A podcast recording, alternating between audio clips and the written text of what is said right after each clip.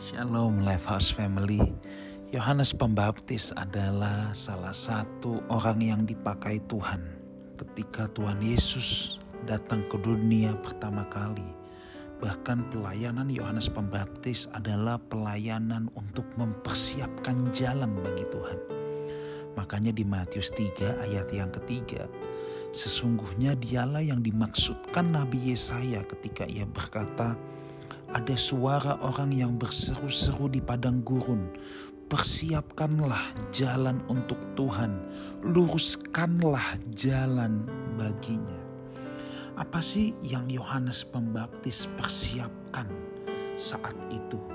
Yang Yohanes Pembaptis persiapkan adalah pelayanan Tuhan Yesus.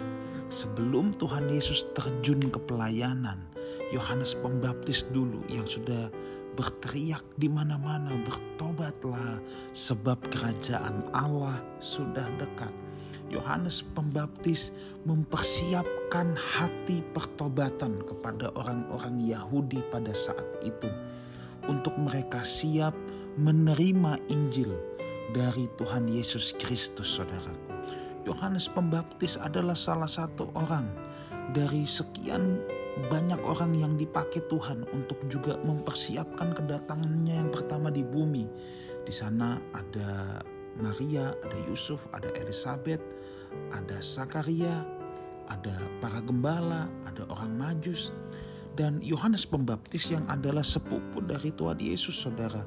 Itu juga orang yang dipakai Tuhan untuk mempersiapkan kedatangannya yang pertama. Nah, kedatangan Tuhan Yesus yang pertama di bumi ini kita kenal dengan istilah Natal kalau sekarang ini. Sebenarnya sekarang yang penting bukan lagi soal kedatangannya yang pertama, tetapi siapakah yang mau dipakai untuk mempersiapkan jalan yang lurus, jalan untuk Tuhan. Bukan untuk kedatangannya lagi yang pertama, tetapi untuk kedatangannya yang kedua, saudara.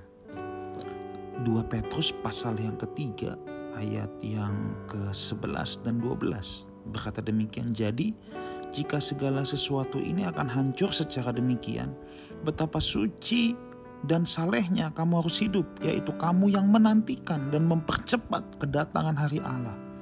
Pada hari itu langit akan binasa dalam api dan unsur-unsur dunia akan hancur karena nyalanya Saudaraku, di sini dikatakan betapa suci dan salehnya kamu harus hidup. Kamu yang menantikan, bahkan mempercepat kedatangan hari Allah. Orang-orang kudus akan dipakai Tuhan untuk mempercepat kedatangannya yang kedua, untuk menyambut, untuk mempersiapkan jalan yang lurus. Alkitab berkata, kalau Injil sudah diberitakan sampai ke ujung bumi, maka kesudahannya sudah dekat.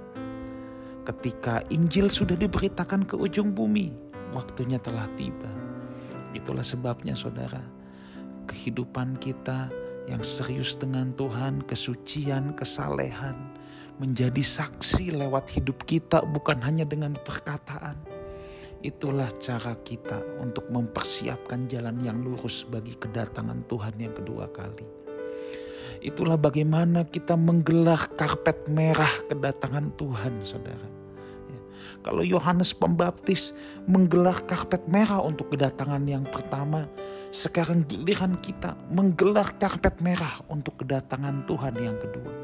Itulah Natal yang terakhir.